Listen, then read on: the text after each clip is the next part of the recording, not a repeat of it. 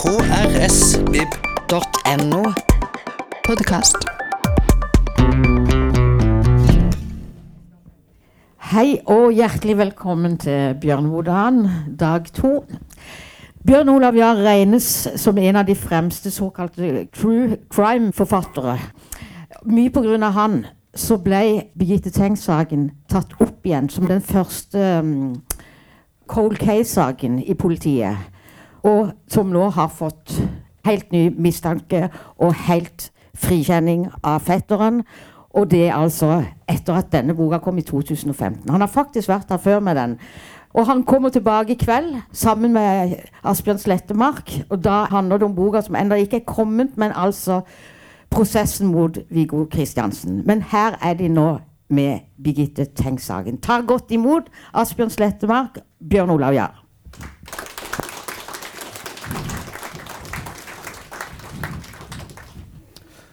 Tusen hjertelig takk. Velkommen, eh, alle sammen. Velkommen til eh, Bjørn Olav Jahr, tilbake til Kristiansand. Eh, som sikkert alle sier når de står, sitter på en scene nå disse dagene på Bjørneboefestivalen, så er det utrolig eh, nydelig å være tilbake på en scene og snakke foran et publikum. Um, sitte backstage og ete Twist og drikke kaffe og være tilbake på litteraturfestival.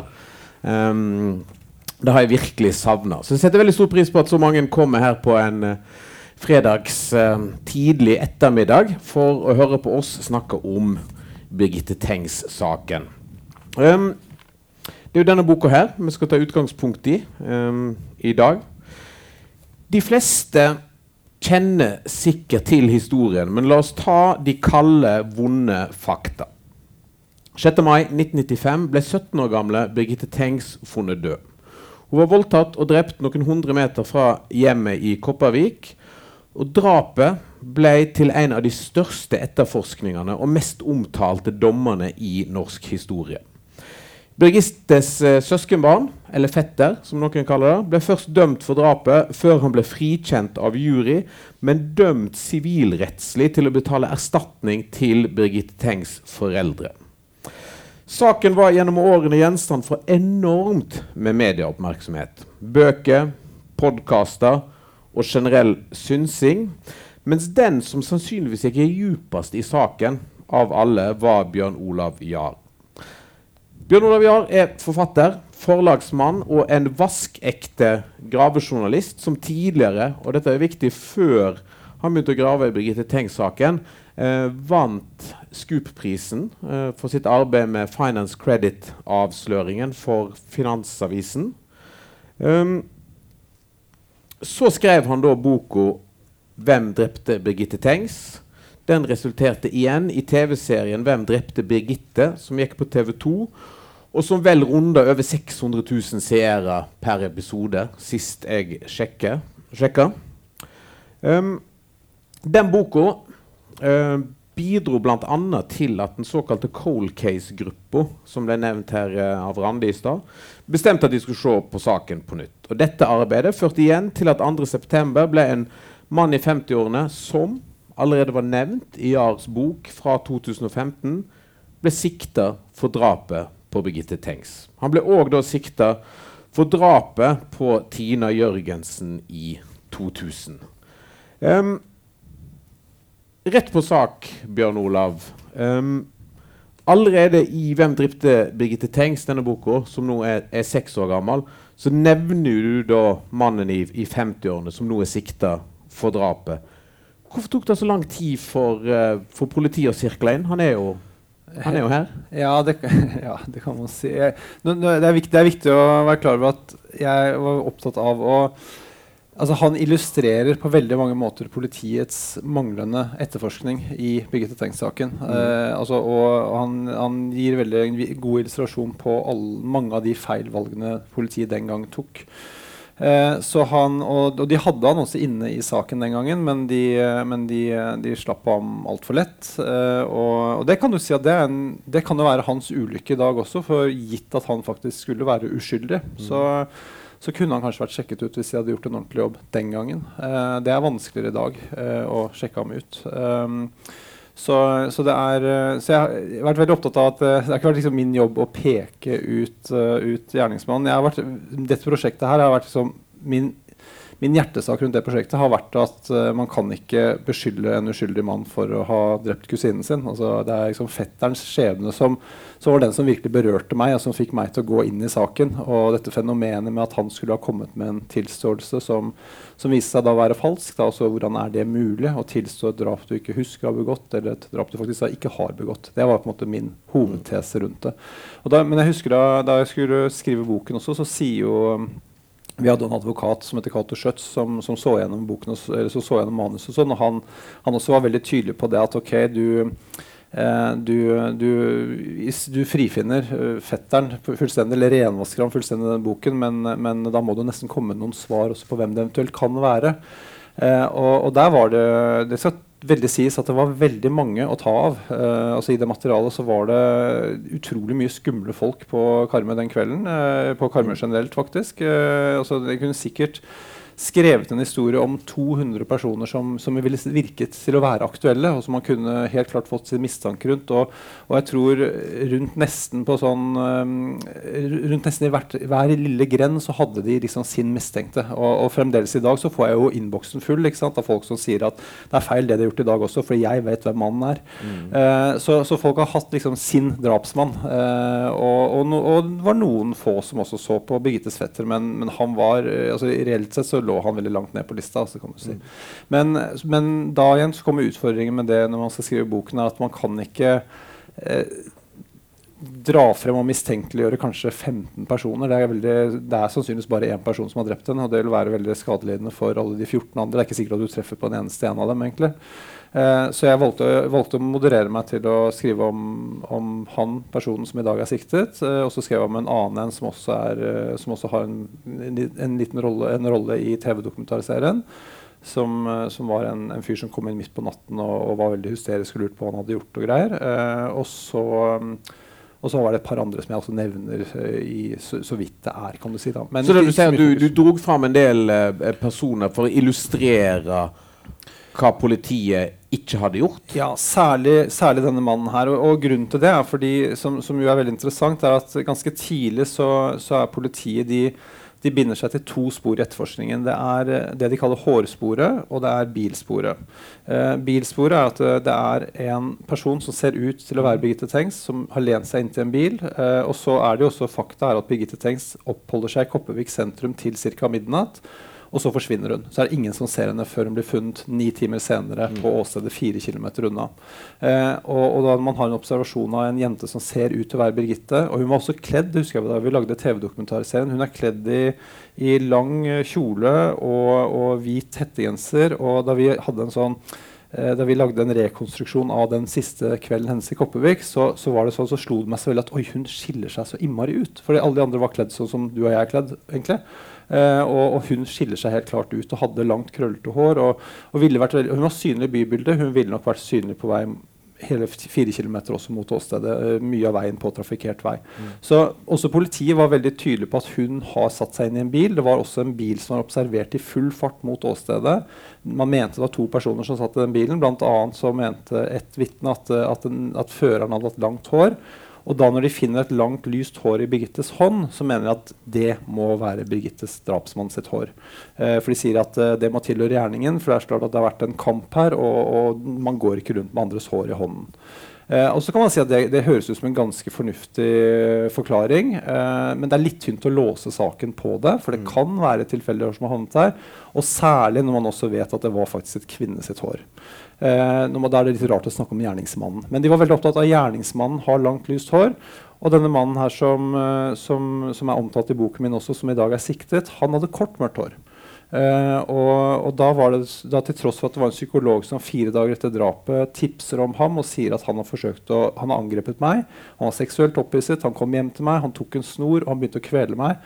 Den snoren den ryker, uh, og det er det som sannsynligvis gjør sitt at hun ikke dør. Uh, og Dette tipser hun politiet om. politiet skriver da 'kan sone?' spørsmålstegn. Det gjorde han jo ikke.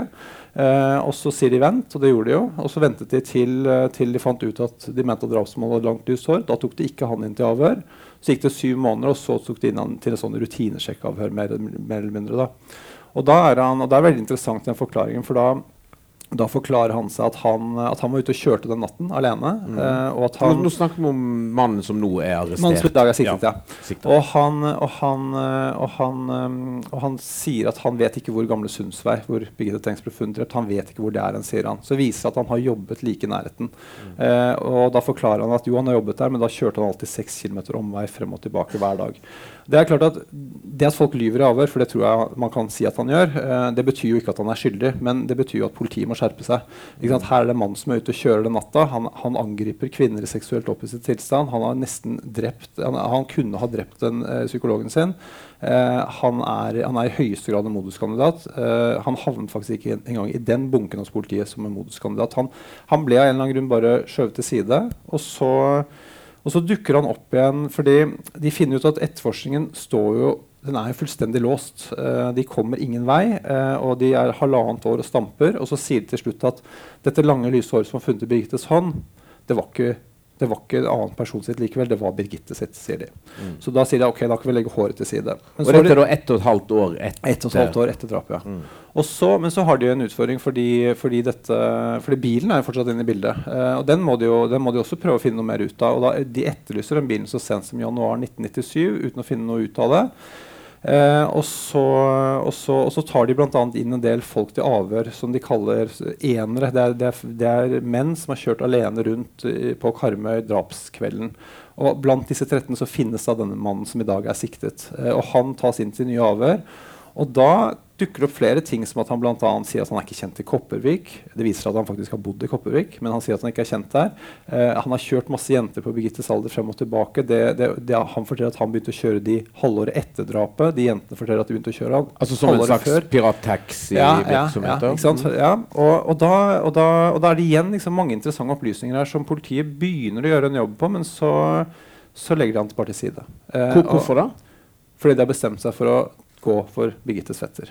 Mm. Eh, hvordan, hvordan? Og, da, og, da, og, da, sier de at denne bilen For da blir det stilt spørsmål om mm. hva skjer med bilen. Liksom? Hvor, er ikke den bilen interessant med? Og da er det sånn, jo, den bilen blir interessant hvis det dukker opp noe som skulle tilsi at den er interessant. For, ellers så liksom forsvinner den løs i luften. Mm. Men, men, hvordan skjer det i prosessene? For Det som er interessant med, med denne saken, for, du, altså, for deg som da har, har, vært dypt nede i denne saken altså, Disse prosessene, disse avgjørelsene som i ettertid framstår som åpenbare feil fra politiet hvordan skjer det? Altså, er det, et, er det et, et, møte der en sitter og velger ut og nå skal vi gå for vedkommende, eller er det en sånn, mer sånn kollektiv psykologi der alle retter seg mot en mistenkt altså, Er det, er det en sjefsavgjørelse fra toppen? Hva, hva skjer? Ja, jeg tror det, det, er en kombinasjon. Jeg tror det ofte er noen få som sitter altså en, Typisk en etterforskningsleder. Uh, det vil jeg si at det var en sterk etterforskningsleder i, uh, i Birgitte Sengs-saken. Mm. I hvert fall retorisk sterk. Uh, og, han, uh, og, han, argumenterer Og han, han, har nok en ganske stor tro på Birgittes fetter. Uh, og, og, og, de som han får med seg rundt, som er tettest på ham, de, de, tenker nok som det han gjør. Og så har du alle de andre som jobber rundt, som jobber med forskjellige typer spor, og sånne ting, som egentlig ikke har noen sterk formening, kanskje, mm. men som bare blir med på jeg synes jo på en måte altså, Man marsjerer jo ganske ofte i takt, og det må man kanskje også gjøre i et politikkorps. Mm. Uh, kan, alle kan ikke være selvstendig fritenkende kunstneriske sjeler. Men, men det, det, er et eller annet sånn, de, de, er veldig, de, er veldig, samlet. da. Uh, og i tankegangen. Og, og, det som jeg husker da, da vi lagde den TV-dokumentarserien, og det fremkommer også av dokumentene i saken og i boken min også, så, så, sier de at de såkalt snur bunken. altså De ser på alle sammen på nytt igjen. Og da sier de liksom at ja, da satt de igjen med han, da. Han som lå i bunnen av bunken, og det var fetteren. Så det er ikke så veldig kult å sitte, ligge i bunnen av den bunken der. Eh, og, og, da, og, da, sier de at han er Jo, vi tar inn han til nye avhør. Og da tar de inn han til nye avhør. Han har vært i avhør i mai 1995 også. Altså Birgitte ble drept 6. mai. Allerede uken etter så er fetteren til Birgitte Tengs i et par ganske tøffe avhør. Eh, og det er fordi fordi han har hatt noen episoder i Karmøyhallen hvor han har gått rundt med et litt for lite håndkle på seg. Han har sittet, uh, han sittet uten klær på seg når noen jenter har passert garderoben. og Det har vært det er blitt omtalt blir omtalt som blotting? Ja. ja blir omtalt som, som en fyr som, som, ikke er helt stø. Og så er han fetteren hennes, og så bor han like i nærheten. Og så har han vært ute den kvelden. Han har jo også da forklart seg til politiet at han har vært på kino med kamerater, at han har syklet hjem, han har snakket med faren sin, som bekrefter at han kom hjem rundt midnatt, og så har han gått og lagt seg. og Det er forklaringen. Og, og, da, da har jo politiet ham i søkelyset ganske tidlig, men de legger ham bort. Og Noe av grunnen til at de legger ham bort også er nok også for dette lange, lyse håret de låser seg til. Han har også kort hår.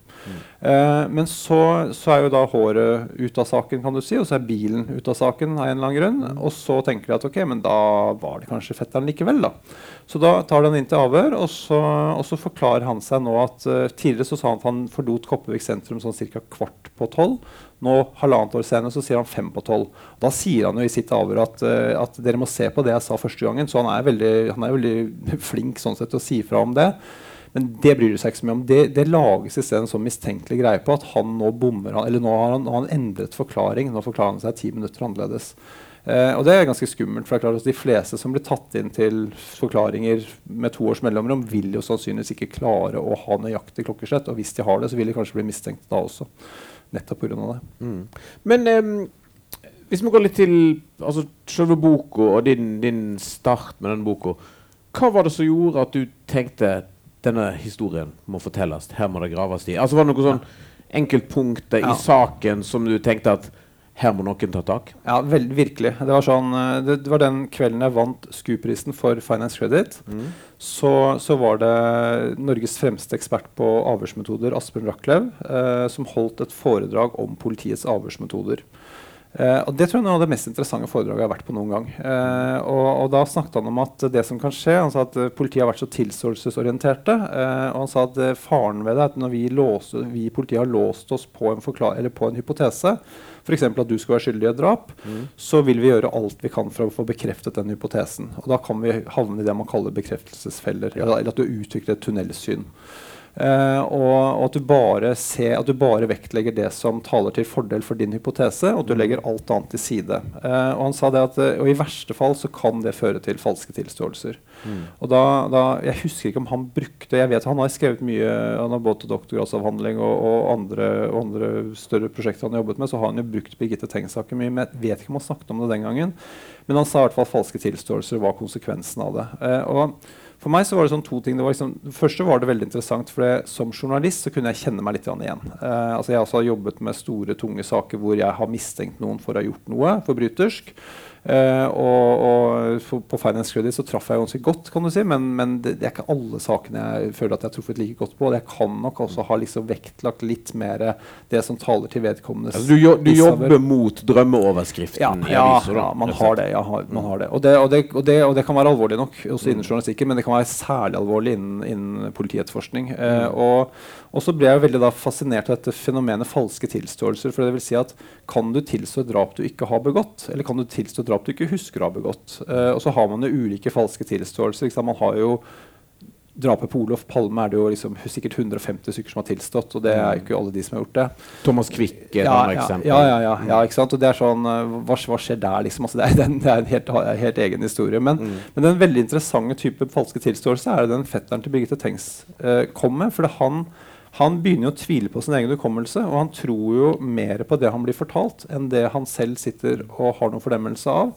Og til slutt så, så, gir han egentlig bare etter, og så gir han, gir han opp. Og så, og, så han, og så, er han overbevist. Og du vet, når han sitter inne i avhør, så er hans største drøm er å huske at han har drept Birgitte Tengs. For Det klarer han ikke å huske, men han er ganske sikker på det etter hvert. Men hva, hva triks fra den, da, den tidens um, avhørsteknikkbok er det politiet da bruker for å få han til å tilstå? Ja, det, det, er mange, uh, og, det er, uh, og, det var veldig fascinerende. Og det, og det vet jeg sånn, så, som man var veldig opptatt av husker jeg da boken min kom også, at i dag er politiet I dag er vi sånn altså Det er litt typisk norsk. da, Vi er på en måte liksom verdensmestere. Nå lærer vi alle andre om avhør. Og Asbjørn Rachlew er jo kjempeflink. ikke sant? Han reiser jo, reiser jorda rundt. ikke sant? Og det er jo mange som fortsatt uh, Han sier jo Danmark så har man jo fortsatt de gamle avhørsmetodene og sånne ting. Og, som er veldig sånn tilståelsesorienterte.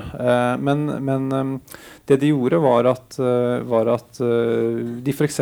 lot være å protokollere avhørene. altså De lot være å nedtegne hva som ble sagt i avhørene. Så det blir veldig lite transparent. Det blir ikke gjort opptak her? sant? Av, nei, ikke opptak, Nei, ikke opptak. Jo, de tok ikke og skrev ned Den gangen så skulle de også skrive ned avhørene, men de gjorde det ikke.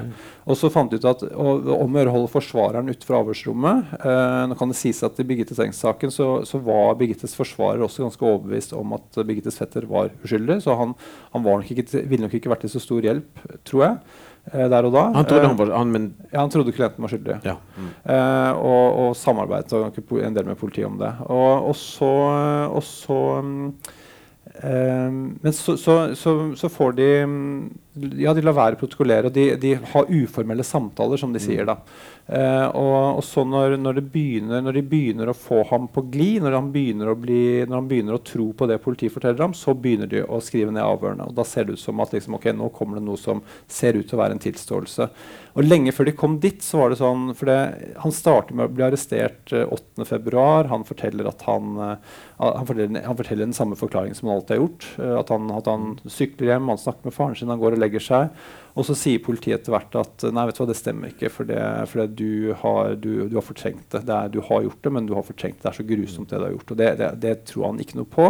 Men, men de sier også at uh, du har ingen støtte utenfra. Han er, sitter på isolasjon. De eneste han prater med, er avhøreren. Han kjeder seg mye. Og etter hvert så får de så plantet et oppslag i avisene hvor, de, hvor det fremkommer at foreldrene skal ha trukket alibiet. Altså at faren ikke lenger bekrefter at han skal ha kommet hjem rundt midnatt. Det er ikke sant, men, men det, det, det, er opp, det er det oppslaget ser ut til å være. Og når de serverer ham det oppslaget, samtidig som de f.eks. holder tilbake Han får, han får kort fra kjæresten sin hvor hun skriver at hun elsker ham, og at hun støtter ham og at hun tror på ham. og sånne ting, Det tar politiet og napper til side og legger bort. Og, og For de sier at han må konsentrere seg om saken, og det de forklarer i etterkant. da. Og, og, når, og når foreldrene sier at, at, at de, til, til sin kontaktperson i politiet at han må hilse, hilse de og si at alle tror på ham og de støtter ham, og sånne ting, så sier politimannen at jeg skal hilse fra foreldrene og si at de er glad i deg uansett. Um, så, han, han, blir jo, han, blir jo, veldig fortalt at han har ingen støtte utenfra. Og, og det er det han, så han mister jo egentlig fotfestet etter hvert. Han, han, han, mister kontakten med virkeligheten, sånn som jeg ser det. da.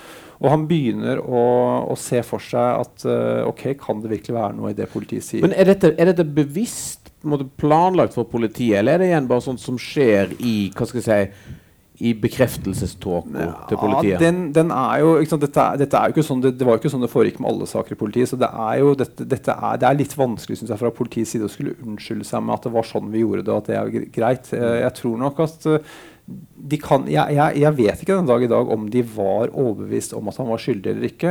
Jeg, dessverre så heller jeg nok mer til at de var mer opptatt av å ta en gjerningsmann enn å ta gjerningsmannen. Mm. Uh, og, at, og, at, de hadde de, de, de, Det var helt sånn, de, absolutt sånn at de kan tenke seg at det er han. Uh, det tror jeg nok, liksom. Men, men at de skal være så sikre på det, vet jeg ikke. Men de men de får han i hvert fall på glid. Og det er interessant liksom, hvem er det som Det er ikke alle som ville vært med på den leken kan du si, som han er med på. Det, det husker jeg snakket med Gisle Gudjonsson, som er en av verdens ledende på falske tilståelser. Han sa vel at uh, det er ofte folk som er veldig intelligente, uh, og det var fetteren til Birgitte. Så er det folk som er veldig dumme, eller som ikke er veldig smarte. De lar seg lure og manipulere. Men så er det en del folk, en del sånn stabbukker og sånn, som er bare sånn Dette er ikke med på, liksom. Hallo, jeg har ikke fortrengt et drap, liksom. Det, det ville jo være helt meningsløst. Men Birgittes fetter, han han var intellektuelt nysgjerrig. Han syntes liksom, okay, han, han syntes disse gutta var veldig veltalende, flinke. Han stolte på dem. Uh, han ble intellektuelt nysgjerrig. Han kjedet seg jo masse. Så begynner han jo å skrive en fortelling. Han, liksom får, han, er veldig flink i norsk. Han får sex i norsk. Han får beskjed om å skrive en fortelling. Se det hele i et fugleperspektiv. Skrive et filmmanus. Og så skriver han etter Altså et filmmanus om det som har ja, ja, skjedd ja. om drapet? Ja, og så skriver han jo da, og da han, bruker han jo hele tiden han, han, han hele tiden i fortellingen. Og så når fortellingen begynner å ligne noe som ser ut til å kunne være en forklaring på noe, så ber han om å bytte han med jeg. Og så gjør han jo det, og så, og så kommer jo da det man mener er en tilståelse. Og det, det er jo ingen tilståelse. For det, det, er klart at han sier jo rett etter at han har levert den fra til politiet, så sier han at uh, jeg håper dere er fornøyd, jeg husker fortsatt ingenting. Mm. Men han er ganske sikker selv. Altså, han, han, tror jo han har gjort det riktige, for han tror jo han har drept Birgitte. Og så, når han har levert denne tilståelsen, så, så, så, blir det fullt masse oppslag i avisen. ikke sant? Og, og politiarbeid i særklasse, og det er, liksom, det er vanlig. Det er så mye skryt. og Det er helt vanvittig. liksom. Det er ikke verdens beste politi og sånt nå. Og, så, og, og dessverre så går også advokaten hans ut og kaller det en uforbeholden tilståelse. og Den er så langt unna å være uforbeholden som det går an å få det. Men det er klart sånn, og, og Dagbladet slår opp overskrift hvor det står at uh, fetteren tilstår, nå husker han alt. Han husker ingenting. Eh, så sant, det er feil. Men for oss, på, for oss, på, utsiden så ser det ut som at dette er liksom ok, nå er, nå er herlig, nå har norsk politi løst en skikkelig vanskelig sak. Eh, I virkeligheten så har de bare gjort alt gærent. Um, ja. Var, var det vanskelig Altså Når du skulle gå tilbake og se på denne saken altså 10-15 år etter uh, Eller faktisk vel 20 år etter den hadde eh, skjedd, uh, var det vanskelig å få folk i tale? I, lo, I lokalsamfunn, blant institusjonene som politi, blant media osv.? Ja, det, det, Egentlig så har det ikke vært så vanskelig å jobbe med Birgitte-saken. Eh, men du kan si det viktigste, eh, og som er desidert viktigste verktøy, er jo saksdokumentene. Få tak i alle saksdokumentene. Som bl.a. i Birgitte-saken. Noe av grunnen til at han ble frifunnet etter hvert, var fordi Politiet hadde ikke protokollert disse avhørene, så man visste ikke hva som hadde skjedd i avhørssituasjonen. Men så hadde jo politimannen som tok avhørene, han hadde skrevet en dagbok hvor han skrev skritt for skritt hva de hadde gjort. ikke sant? Hvor han hele tiden beskrev liksom, det venterommet de hadde forklart han til, og at han hadde nøkler. De brukte masse psykologiske mekanismer. og De drev og sparra med psykologer vet jeg også, om på en måte, hvordan de skulle få han med på, med på dette her. da. Eh, og så Når det kom frem, så, så, så tror jeg det er ganske sånn veldig mange som oppfatter at dette her er sterk manipulasjon. Um, så eh, Nå glemte jeg egentlig spørsmålet ditt. Um, eh, Prater jeg meg litt bort her. Um, nei, eh, jo Nei, var, det var det vanskelig å få folk til å snakke om saken? For dette er jo i likhet med saken Ja. som vi skal diskutere senere. Så er det at Jeg vokste opp på Vestlandet sjøl, og jeg kjenner jo masse folk fra Kopervik. Altså, Mm. jeg, jeg var 20 år da dette skjedde, og jeg husker dette var jo en veldig vanskelig og vond sak. Ikke Ja. bare på Kopervik, men på hele Vestlandet. Ja, nei, og, og, og der, jeg, jeg, tror, jeg fikk tak i alle dokumentene i saken. Jeg fikk, snakket med, jeg fikk jo tidlig kontakt med fetteren, for jeg lagde jo en sak om falske tilståelser i magasinet i 2005, hvor jeg møtte han, hvor han var hovedcaset mitt. Og så, og, så, mm, eh, og så fikk jeg tak i alle dokumentene, og jeg hadde liksom noen som jeg pratet my veldig mye med, som kunne saken godt. Og liksom, det aller viktigste var å sette seg veldig veldig godt inn i saken. Men så reiste jeg. Jeg bodde, jeg bodde mange uker nede i, i Kopervik og på Åkra, altså på Karmøy, eh, og ble kjent med ganske mange folk etter hvert. Og, og fikk egentlig innpass ganske mange steder. Men jeg har vært veldig opptatt av å skrive historien fra 1995 til 1998, så de er veldig dokumentbaserte. altså er dokumentene som på en måte, for Ikke så mye hva folk følte den gangen eller følte nå. og sånne ting, altså det, det det som fremkommer. Dokumentene henter hele tiden historien ut fra. da. Men, men jeg opplevde å bli møtt med egentlig ganske sånn greit. Altså, sånn, det var sånn, jeg tenkte på sånn, Her kommer jeg en fyr fra Bærum liksom, og så skal jeg liksom fortelle dem hvordan denne saken her egentlig var. Liksom. Det kan jo liksom gå litt gærent. Men, men jeg følte at det ble tatt ganske godt imot. Uh, og jeg husker Journalistlaget i Haugesund også, de inviterte meg et halvt år før. For det, de syntes det var interessant at jeg ville gå inn i dette her, og de lurte på hvordan, hvorfor jeg ville gjøre det, og hva jeg kom frem til. Og om det var noe de kunne lære av det, og om det var noe de hadde gjort galt eller annerledes. Og sånne ting. Og, sånn, og det var veldig, sånn, det var veldig fint. egentlig. Altså, jeg, jeg følte egentlig at jeg ble møtt ganske godt. Og da vi lagde TV-dokumentarserien, så følte jeg jeg fikk veldig utbytte av alle de jeg hadde pratet med. For nå fikk vi plutselig veldig mange av dem til å stille opp foran kamera. Ja, for Det er et viktig poeng her. at eh, i, Du var jo da involvert, du skrev boka. Du var jo òg involvert tungt i TV-serien. Altså som intervjuer, og var du produsent? Jeg var korregissør. Altså, vi, var- vi var to, ja. to regissører. Mm. så jeg var en av dem. Jeg hadde, jeg hadde på en måte det faglige ansvaret. Uh, men da, da Dere møtte vel på Du fikk vel litt kritikk bl.a. fra far til Birgitte Mm. etter TV-serien, som sa vel i media at han følte seg litt lurt. Mm. Det, var, å det var han andre, det. Nei da, jeg skal ikke være slem. Men nei, nei, det var litt sånn derre Ja. vi, vi, vi, var to, vi var to regissører på saken, Mm. og det var produsenten som var regissør. Og det er han som eh, Ganske tidlig så var han veldig opptatt av at vi måtte få med Torgeir Tengs. Altså vi måtte få med de pårørende, og det er jeg helt enig i. Det er et veldig godt poeng. Eh, men som jeg sa til han, at jeg har ikke sjans til å nå inn til han, for han føler, han synes og tenker at jeg har tatt fra ham den drapsmannen han mener at han har.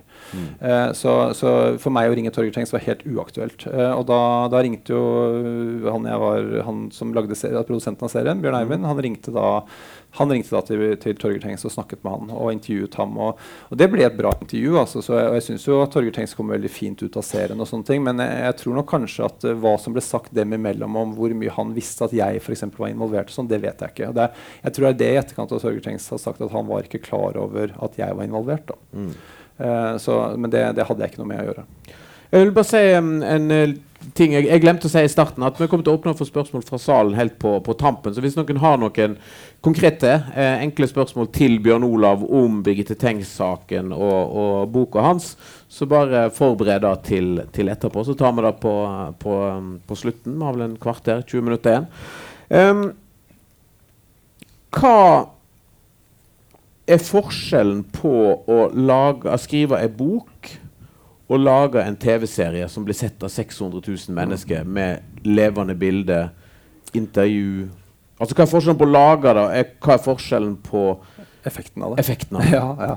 ja det, det, det første virker jo som utrolig mye jobb, altså skrive en bok, eh, og ikke så mange som leser. Eh, det andre er ikke så mye jobb, føles det ut som. I hvert fall ikke for meg, som, som stort sett på en måte lagde spørsmålene og intervjuet. Det er jo det er en jobb å gjøre, det bevares liksom, men der var det jo et helt crew som jobbet rundt. og sånne ting, så det var jo for meg så var det helt fantastisk. Og, og fra å ha jobbet liksom veldig solo med boka hele tiden, da, eh, til, at det, til at det med en gang plutselig så var det ti mennesker som jobbet liksom full tid med, med å lage et annet, et annet type produkt. Da. Eh, og, og jeg synes jo det var, det var veldig spennende. For, for min del så var det veldig sånn altså det, var veldig det var faktisk ganske avslappende. fordi altså, jeg, jeg, jeg er veldig klønete, så jeg kan på en måte ikke rigge opp noe kamerautstyr. Og sånne ting, og jeg skal helst ikke ta det ned igjen heller.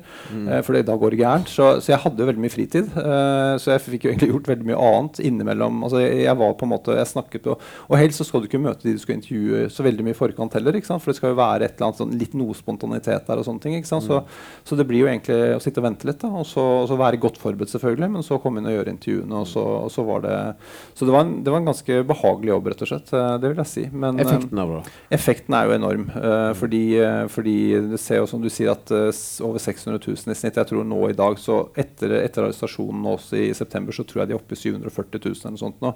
Så det er en helt enorme tall. Og, og det koster jo mye mindre å se på en TV-serie enn, enn det gjør å lese en bok. Eh, eller det er mye mindre anstrengende. Og, og, så du får samlet liksom Alle er, er med, er, ser jo denne serien. Og, og det var veldig gøy, for den tok jo på en måte sånn De sa jo TV 2 at den tok liksom litt sånn lin- lineær TV tilbake. For vi viste det gikk jo to ganger i uka, så folk fulgte jo veldig med. Og sånne ting Og det jeg merket enormt med effekten, var jo det som skjedde med episode seks. Det var jo ni episoder, så var det episode seks hvor hvor man fikk dramatisert og vist hvor, hva fetteren var, til Birgitte Tengs var utsatt for av isolasjon og press under avhør og sånne ting. Da eksploderte det. altså i sosiale medier og sånt, og Det var helt vilt. Det tok helt av. og det var liksom, Da kjente jeg liksom veldig på sånn dette er liksom folkets endelige renvaskelse av fetteren til Birgitte Tengs. altså Da var det sånn, da var det som, som at man hadde holdt på å liksom drive og snu et eller annet cruiseskip en god stund, og plutselig så får du skikkelig drag på det, og så, og så snudde det veldig. Eh, og så det var veldig, det var, det var helt fantastisk å se. altså den effekten. Jo, den, men den er på en måte også litt sånn skremmende. Tenk sånn, Så sterkt virker TV. altså. Eh, så, men skal jeg være helt ærlig, sånn, min, mitt favorittobjekt er ikke en bok. altså. Jeg, jo liksom, jeg, blir, jeg blir jo gladere hvis folk sier at de har lest boka mi og syns den er kjempebra, enn jeg blir om folk sier at de har sett serien og syns den er kjempebra, selv om jeg liker begge deler. Ja, boka er jo alltid bedre enn filmen. Alltid. Ja. Um, Birgitte-saken har jo òg tidligere vekt en del internasjonal oppmerksomhet. Altså, jeg husker intervjuet han Jerry Buting, som var jo en av de advokatene i 'Making a Murderer'-dokumentarserien eh, dokumentarserien på Netflix, som var jo en kjempestor suksess. Han var jo veldig nysgjerrig på, på denne saken. Hva er det med Birgitte-saken som gjør at måtte, et, et juridisk og hva si, krimmiljø eh, over hele verden er interessert Ja, er, ja, den er jo um, jeg, Og jeg hadde egentlig håpet at den skulle være enda mer sånn opptatt av både sånn at boka skulle liksom, måte selges til utlandet, og at TV-serien har blitt solgt til nordiske land og sånn, ikke sant? men den, den har jo potensial andre steder også, fordi du har med en falsk tilståelse å gjøre. Jeg tenker at Det er, liksom, det er en ung jente som blir drept. Det er en Fetteren hennes også er veldig ung, ikke sant, som blir tatt inn til avhør. Han tror han selv har drept kusinen sin, eh, og jobber veldig med å få, Jobber jobbe for å liksom, få frem denne tilståelsen. Så alt det som skjer der på, på bakrommet, og, og effekten av det, og sånne ting, jeg jeg sånn, det har jo veldig sånn allmenn stor interesse. Så, så jeg, det har nok fenget også, også utover Norges landegrenser. Eh, mm.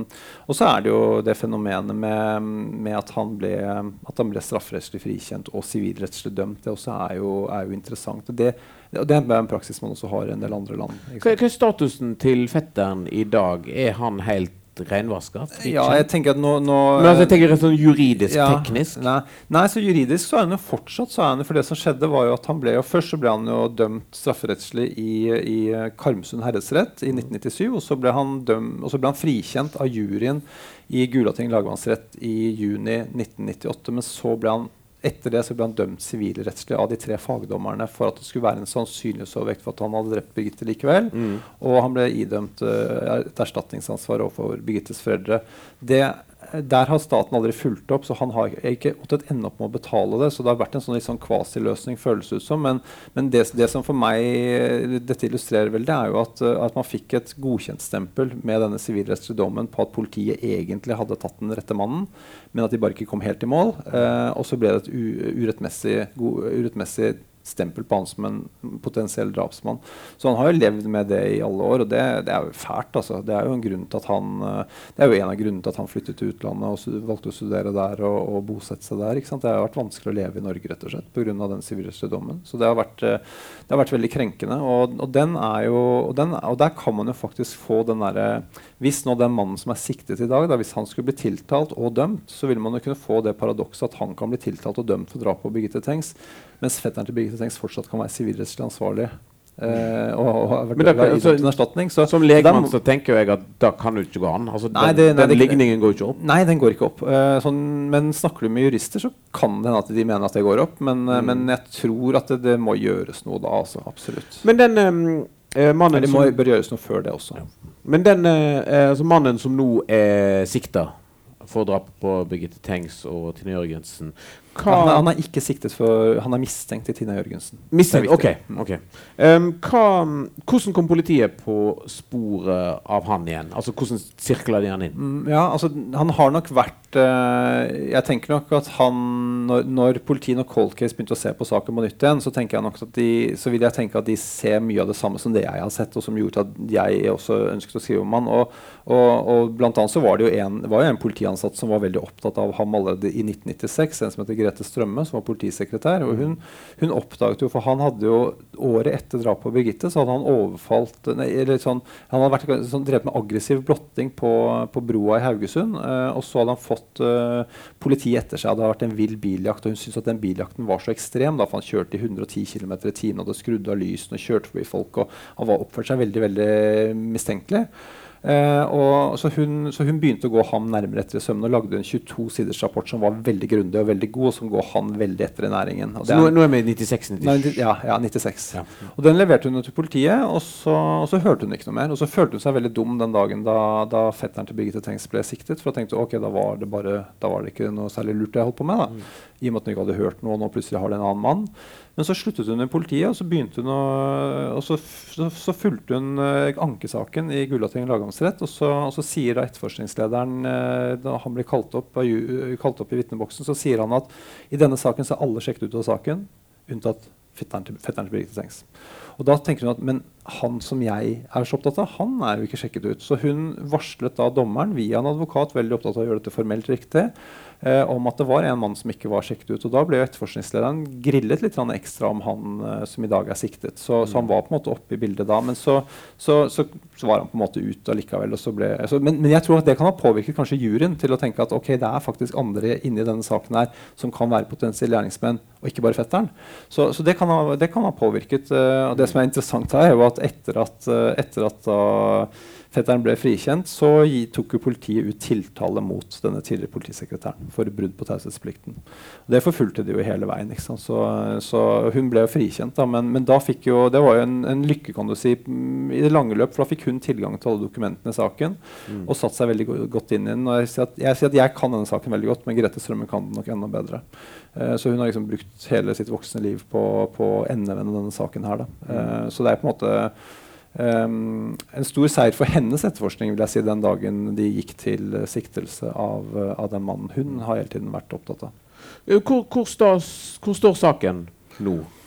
Uh, den står vel, altså Det som er interessant, er jo at Man må jo være klar over at uh, det kan godt hende at han er uskyldig. Jeg tenker at Han er, uh, han er jo helt åpenbart en moduskandidat, for han angriper jo kvinner og er veldig voldelig. Og, hva, hva mener du bare for ta det helt ned, hva mener du med moduskandidat? Ja, altså, altså, Han er en type som kan finne på å begå det drapet på Birgitte som er begått. Altså, sånn, han, han, har den brutaliteten i seg, og, og, han, og, han, er også ute å kjøre. Han har ikke noe alibi, og han har ikke noe god forklaring Altså, han, han distanserer seg fra åstedet. Han gjør mange ting som er litt mistenkelige, men alt dette her er jo indisier. Så du, men så har du dette som har fremkommet nå som gjorde at det gikk til arrestasjon, og var at de fant et DNA-spor som noe blod på strømpebuksen til Birgitte som, som peker tilbake på hans uh, Y-profil, uh, som går i farslinje.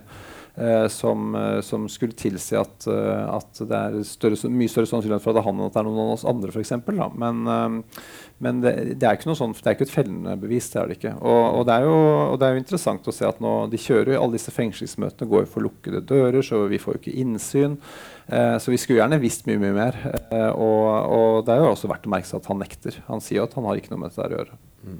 Kommer du til å følge opp historien med en altså, ny utgave av hvem drepte Birgitte Tengs? Ja, det, det, er jo fordelen kan du si at det var akkurat han som, som, ble arrestert. var jo på en måte at Jeg slipper å oppdatere. Mm. Uh, men, uh, men nei, det var litt flåste sagt. Men uh, jeg skal det kan godt hende at jeg vil skrive noe mer. Og, og hvis det skulle vise at det er han, så vil jeg tenke at hans historie er svært interessant den mannen som i dag er siktet. Um, men det vil jo bli en annen bok hvis jeg skal, hvis jeg skal revidere den. Så, må, så er det kanskje en del av dette som handler om fetteren, som jo har en veldig stor rolle i boken. Samtidig som det er en veldig viktig del av boken, og viktig del av historien, det også.